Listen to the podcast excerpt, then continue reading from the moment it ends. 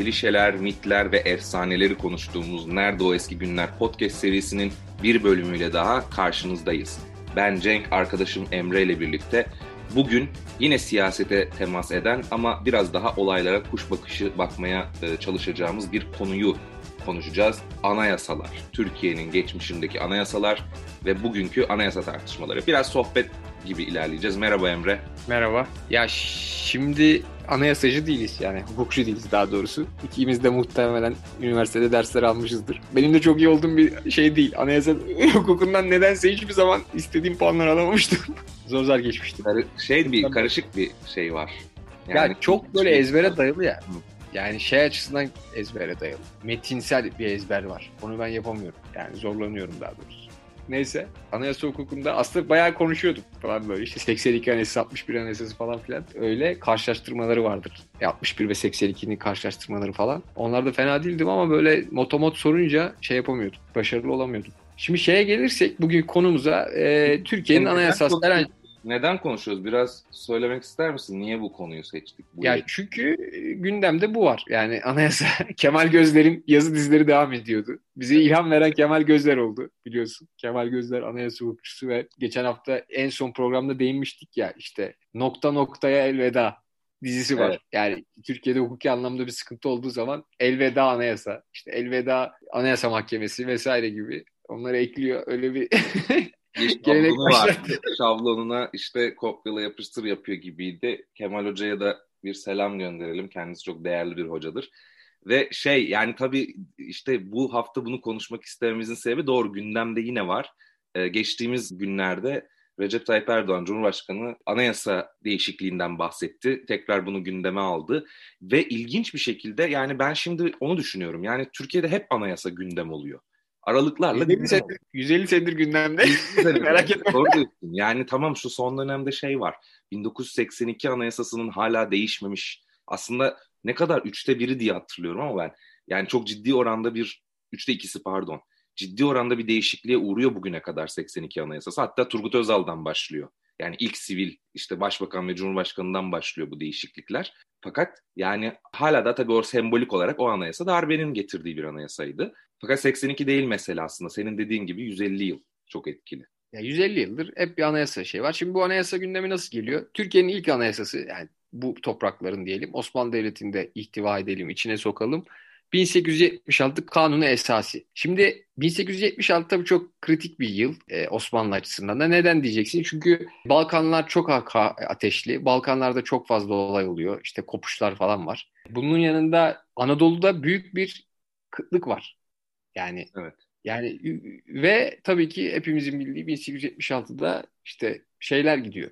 5. Murat mıydı? Doğru. Bir, o sırada çok kısa bir süre 5. Murat Sultan. Daha sonra Abdülhamid'i getiriyorlar. Aslında Abdülhamid de tahta çıkarken anayasa destekçisi birisi. Bir padişah Ya olarak. şöyle siyasi çalkatların çok yoğun olduğu, e, tahtta değişimlerin olduğu, hatta işte dediğimiz gibi 5. Murat'ı 3 aylık bir 5. Murat periyodu falan da var.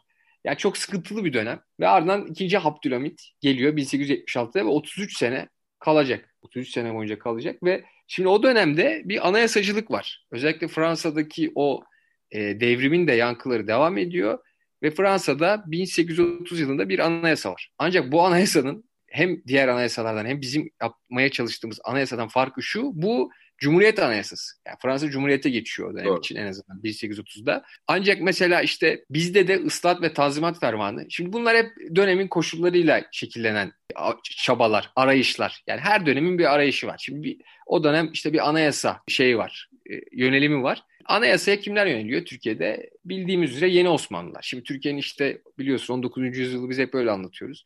Yeni Osmanlılar filizleniyor. O genç kuşak yeni şeyler istiyor, daha fazla özgürlük istiyor, istikrada, istikrada karşı koymak istiyor.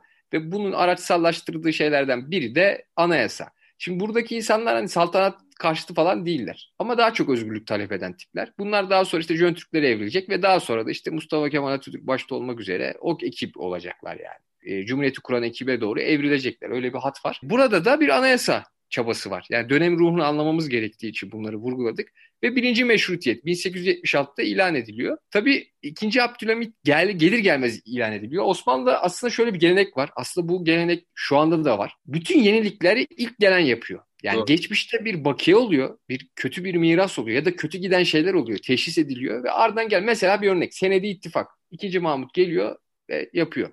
Daha gelir gelmez. Tanzimat Fermanı, Abdülmecit gel, Evet. gelince kanun esası da bu şekilde. İkinci Hamit'in gelmesiyle yapılıyor. Ve e, bu arayışların sonunda da bir anayasa teşekkül ediyor. 1876 kanun esası. Şimdi kanun esası sultanın, padişahın yetkilerini sınırlıyor mu? Hayır. Olumlu şeyleri var, olumsuz şeyleri var. O zaman mesela teşekkül eden bir tane şey var mesela işte meclisin iki ayağı var. İşte meclisi umumi gibi düşün. Bu meclis Evet. büyük bir çatı aslında. Meclisi mebusan ve meclisi ayan diyelim ona kısaca. Şimdi bunların çok fazla yani meclis oluşuyor. Türkiye'de bir meclis kültürü geliyor ama bu meclisler mesela kendi kendilerine çok yetkileri sınırlı. Yani kendileri konu belirlemiyorlar. Onlara belirlenen konuları konuşabilme hakları var.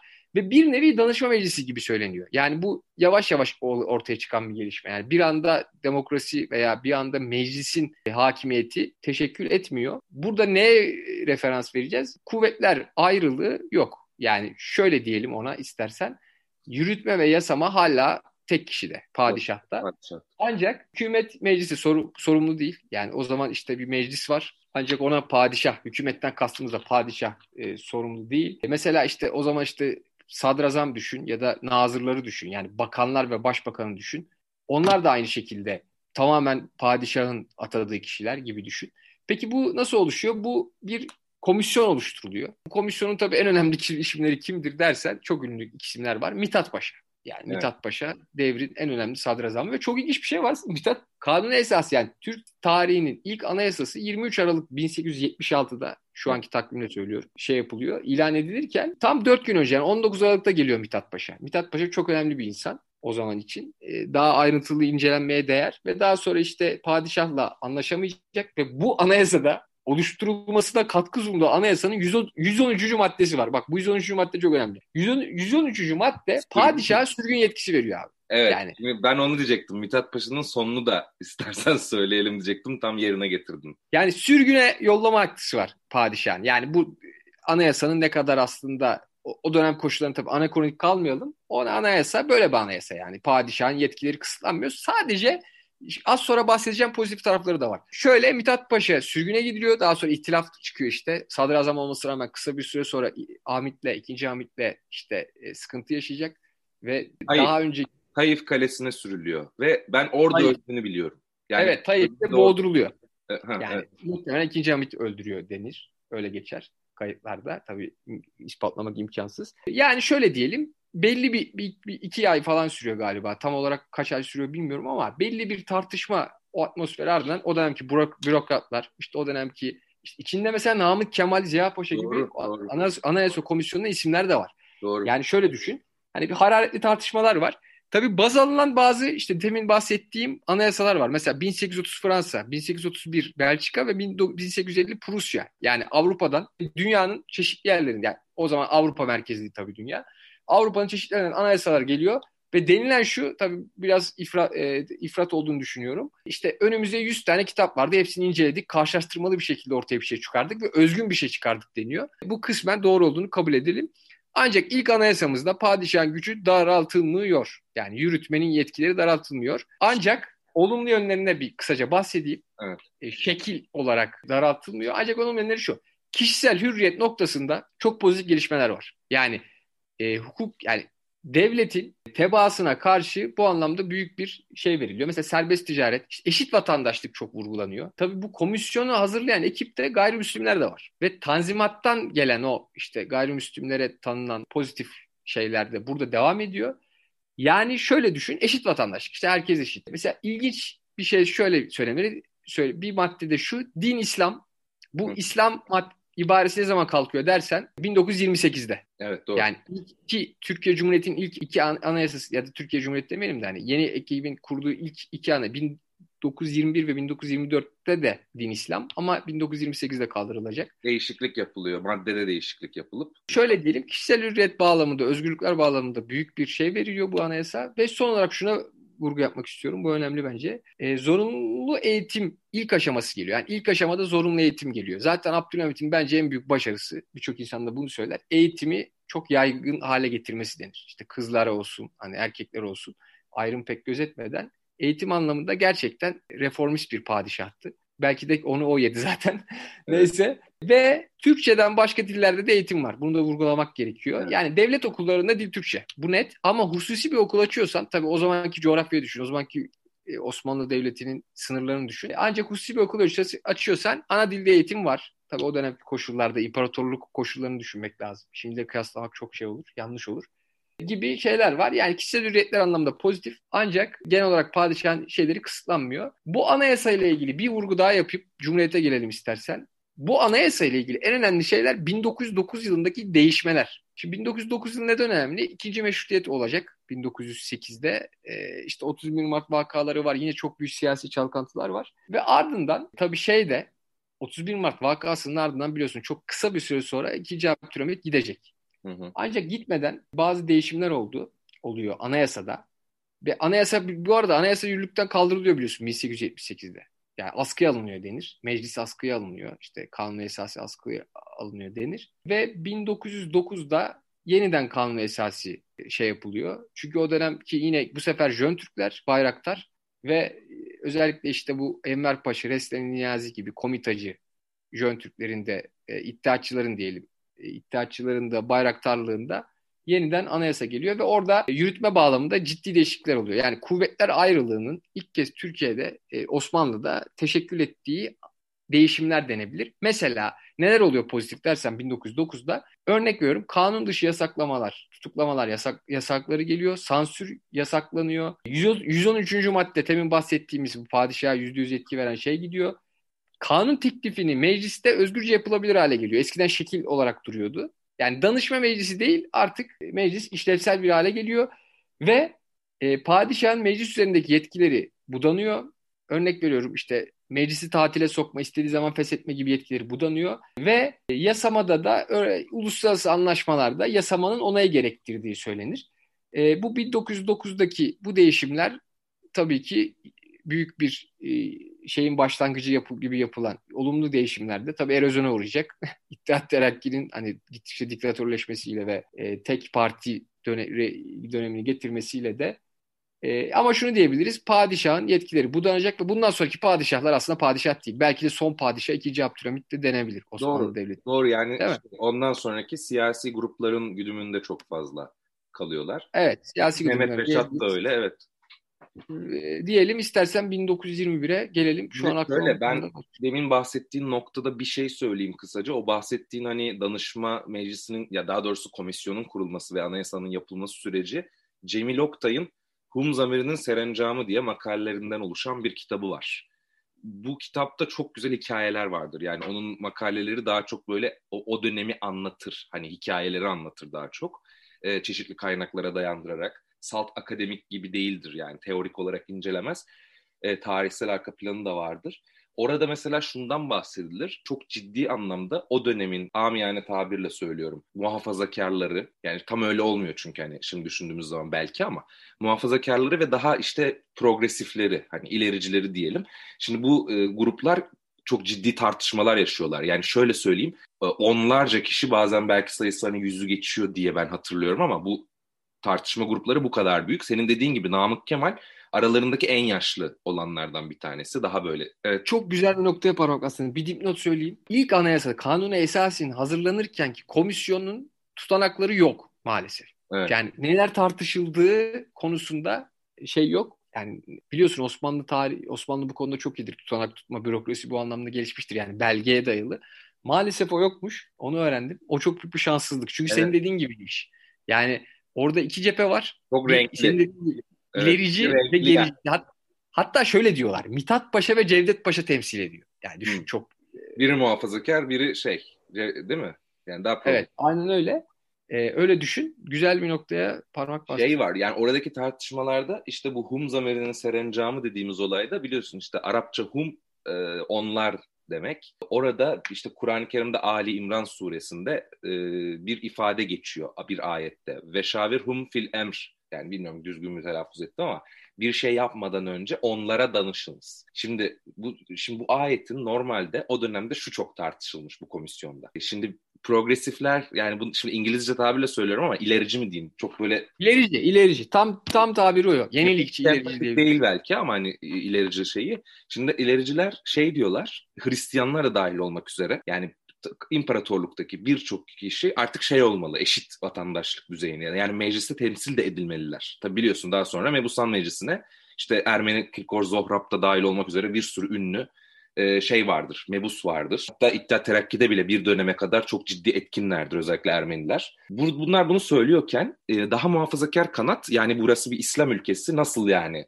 gayrimüslim e, danışma meclisinde olabilir gibi bir şey söylüyorlar. Şimdi bu progresif kanattan, ilerici kanattan bazıları Kur'an'da onlara danışınız ve şavir fil emr. Bunun üzerine çok büyük tartışmalar dönüyor. Onlar derken gayrimüslimler var mıdır? Yok. İşte orada çıkıyorlar tabii meşrulaştırmak gerekiyor. Peygamberin zamanındaki hikayelerden bahsediyorlar. Yok işte Yahudi'ye şöyle bir şey soruldu, Hristiyan'a şöyle bir şey soruldu gibi. Fakat şöyle bir şey de var. Bu ayetin aslında bağlamı o kadar da siyasi meselelerle ilgili değil. Çok daha gündelik pratik sebeplerle hatta Kur'an-ı Kerim'de şeyden de bahsedilir.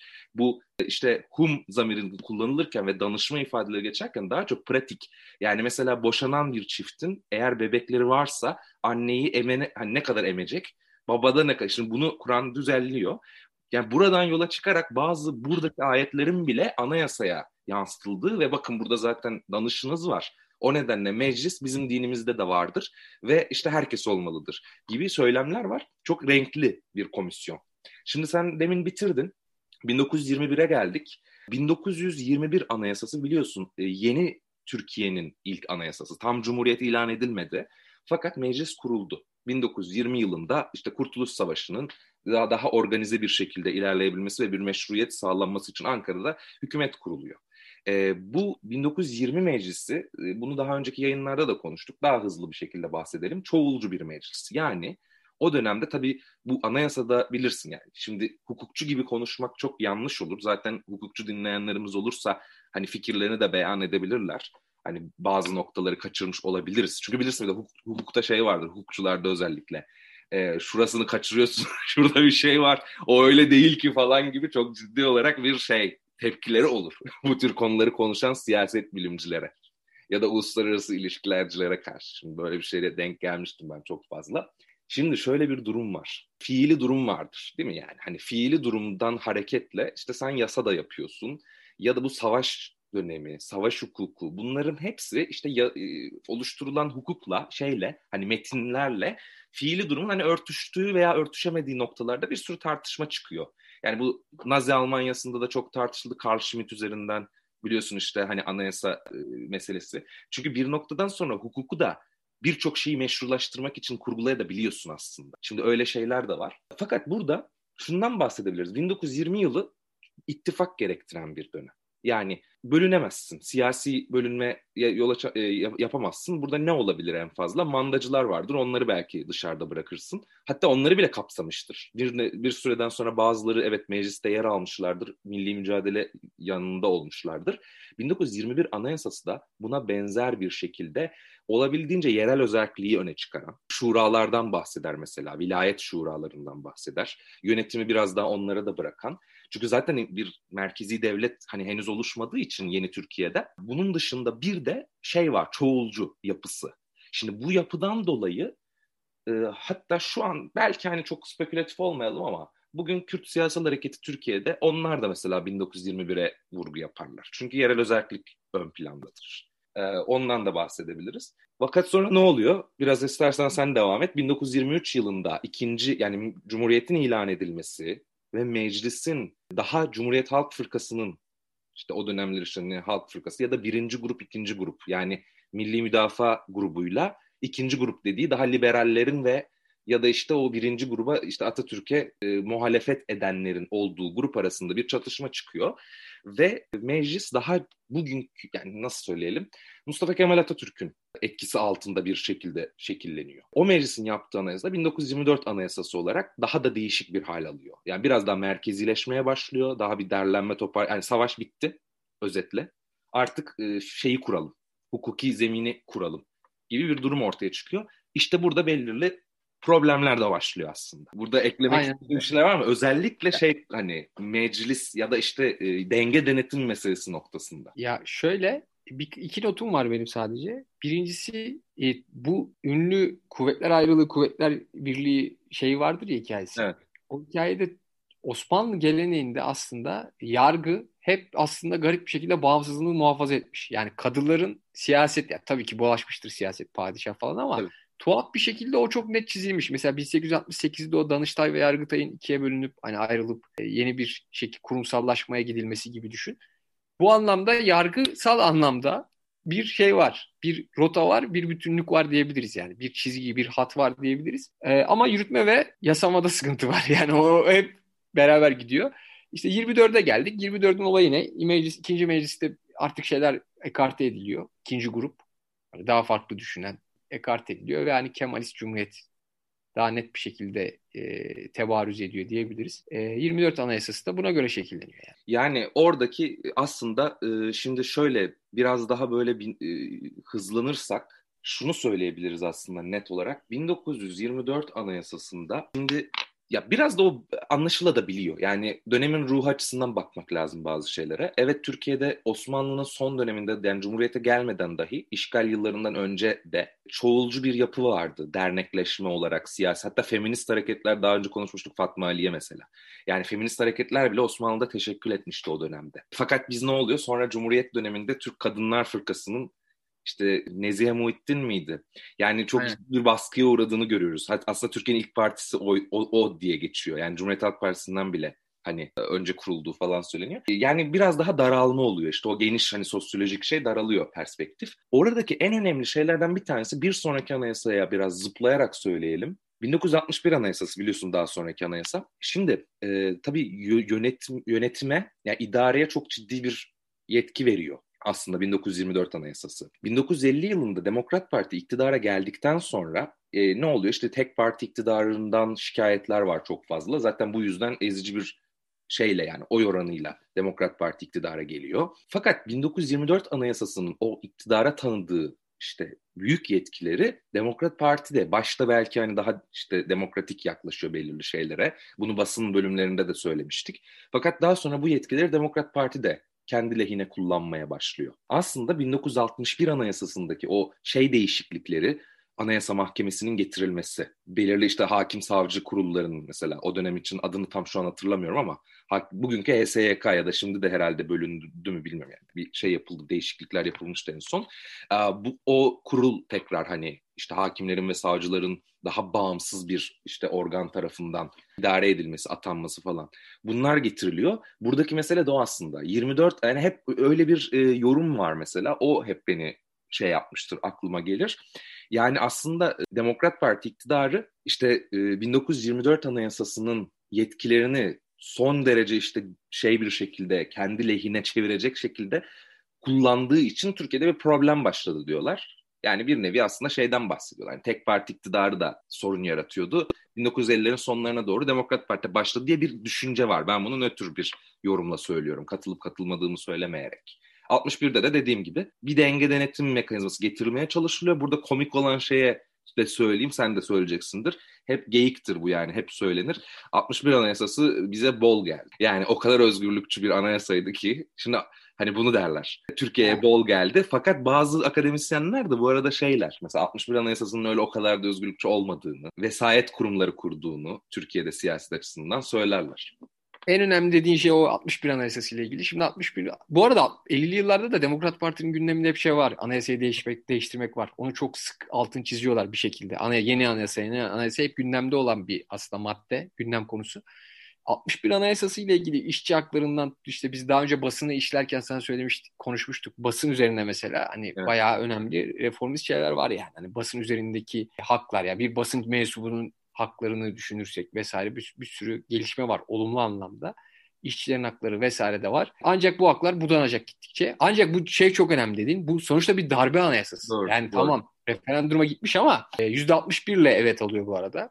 Evet. 1961 Anayasası. Ciddi bir oranda Ama, hayır oyu geliyor. Doğru. Yani darbe anayasası bunu unutmamak lazım. Askeri rejimin gösterdiği sınırlar içerisinde çizilmiş. Yani orada bir anayasa komisyonu falan var ama e, o anayasa komisyonunda tabii şey işte kimler var? Tarık Zafer Tuna'ya ünlü. İşte Hıfzı Veldet Veli Dedeoğlu var. Veli Dedeoğlu var.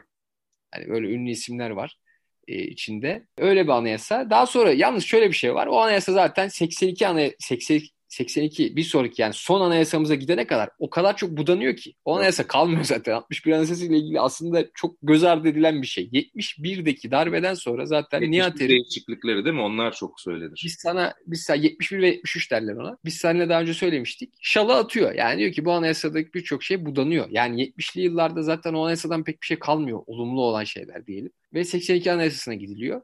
Hani bizim hoca öyle derdi. Yani zaten 82'ye geldiğimizde 80 darbesine geldiğimizde diyor yani e, şey kalmamıştı zaten diyor yani. Ona, o anayasa, o anayasa değildi diyor ki o da şey vurgulardı. Vesayet rejimlerini Türkiye'ye getirdiği için ve bir darbeyi böyle şey yaptığı için e, merki yani meşrulaştırdığı için darbeyi bu anlamda sakıncalı. Şimdi 82 80'inde darbe 12 Eylül darbesi yaşadık. Ardından işte Kenan Evren çok güzel anlatıyor ya. Evet. Özellikle 32. gün o şeyde belgeselde Mehmet Ali Birant belgeselinde her şeyi açık açık anlatıyor. 82 anayasasını yaparken de işte 82 anayasası çok komik tarafı şu. Anayasayı onayladığın zaman Cumhurbaşkanı'nı seçmiş oluyorsun mesela. Hani Kenan evet, Evren'de o anayasayla Doğru. Ne nasıl seçiliyor dersen o da şöyle. Bu arada ee, şöyle bir yorum var. Sözünü kesiyorum. Bu demin bahsettiğin noktayla alakalı. O yüzden 61 Anayasası'nda o ciddi oranda hayır oyu çıkması tabii darbecilere bir tepkiydi aslında biliyorsun. Çünkü Demokrat Parti'nin şikayet edenler vardı Demokrat Parti'den ama ciddi bir tabanı hala var. %38 buçuk hayır mesela ondan bahsediyor. 61.5. Şimdi bu hayır oyu cidden rahatsız ediyor Milli Birlik Komitesi'ni. %90 istiyorlar muhtemelen. Anlatabiliyor Aynen muyum? Meşru olsun diye. 82'de de öyle bir yorum vardır. Bundan alınan dersle o zarfların işte daha şeffafa yakın e, ince olduğu, oyun renginin gözüktüğü pul pulla oy veriliyor anladığım kadarıyla. Mavi, mavi. ve beyaz oylar çarptı. Doğru mavi, mavinin hayır sanırım maviydi ve onun rengi evet. gözüküyordu. Şimdi o işte o, 61 e, Anayasası'ndan alınan şeyle o referandumdan alınan e, dersle bu yapıldı denir. Biliyorsun Bingöl müydü? Türkiye'de hayır oyu çıkan sanırım Bingöl müydü? Aynen bir tane il var. O Bingöl'dü. Bingöl diye biliyorum. Aynen o Bingöl'dü. Bir tane il var sadece e, hayroyu çıkan. Geri %92 evetle kabul ediliyor 82 anayasası. Yani çok konuşmaya değer bir şey yok. Yani %92 hiçbir şeyde %92'lik bir oran evet. tutturulamaz. Bu 82 anayasası nasıl oluşturuluyor?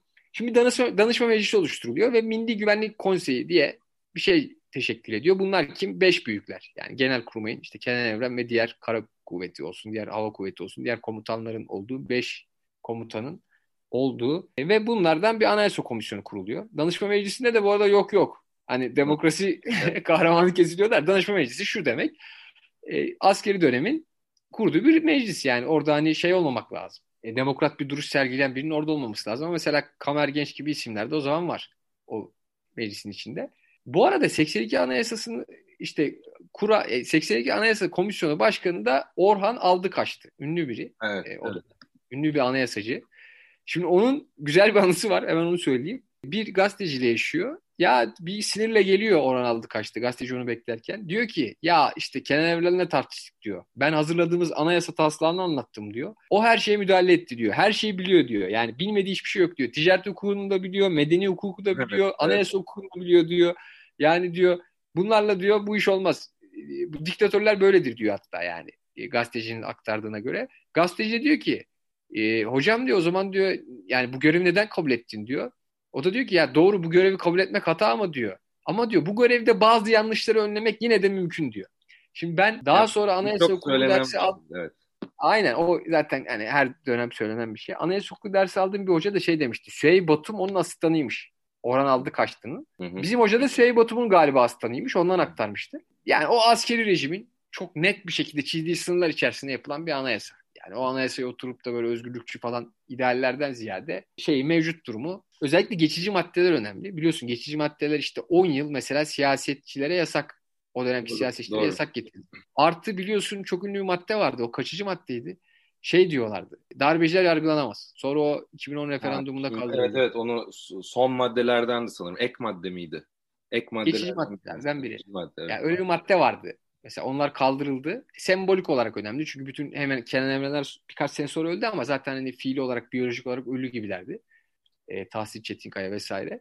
E, öyle şeyler oldu. 82 anayasası kabul edildi. 82 anayasası hala tartışılıyor. İşte birçok revize falan oldu. Demin söylediğim gibi yani revize cidden çoğunluğu değişti. Şimdi öyle bir durum hatta 2001'de çok fazla değişiklik var. Bu tabii bilirsin hani o derviş reformları falan derler ya. Şimdi o dönemde Onların hepsi olumlu. Evet. Liber, liberallik açısından. Ya insan hakları açısından olumlu İnsan hakları açısından. Çünkü şey yap ya AB'ye uyum var ya o zamanlar hani aday ülke olacak olmayacak falan. Bir de şey önemli. Bu Avrupa İnsan Hakları Mahkemesi'nin kararlarının daha doğrusu Uygulanma. uluslararası hukuk- hukukun bizimle çakıştığı zaman uluslararası hukukun öncüllenmesi bence önemli bir şey. 60. madde galiba o. O şu an çok tartışılıyor gerçi. Sıkıntılı bir konu ama bence o noktada uluslararası hukuka dayanmak toplumun her kesimi için. Çünkü bu toplumda her zaman her hepimiz mağdur olma ihtimalimiz yüksek. Önemli.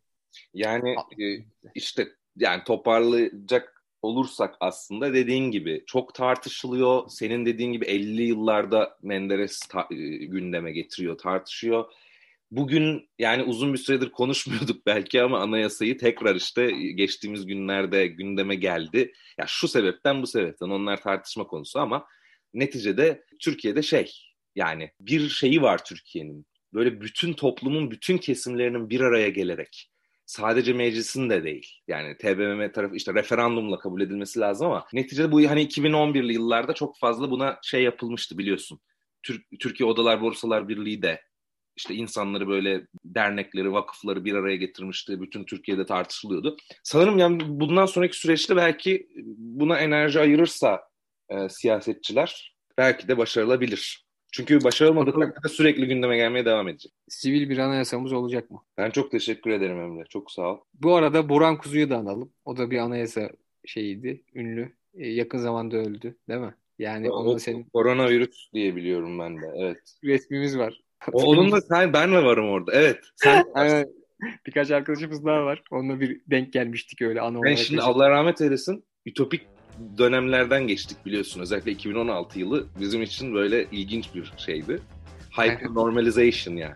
Hipernormalizasyonun olduğu Taksim'de Burhan Kuzu'yla meydanda böyle normal bir zamanda polis kontrolü yokken fotoğraf falan çektiriyorduk yani. Böyle atkı falan vardı boynunda hatırlıyorum. İlginç bir şey.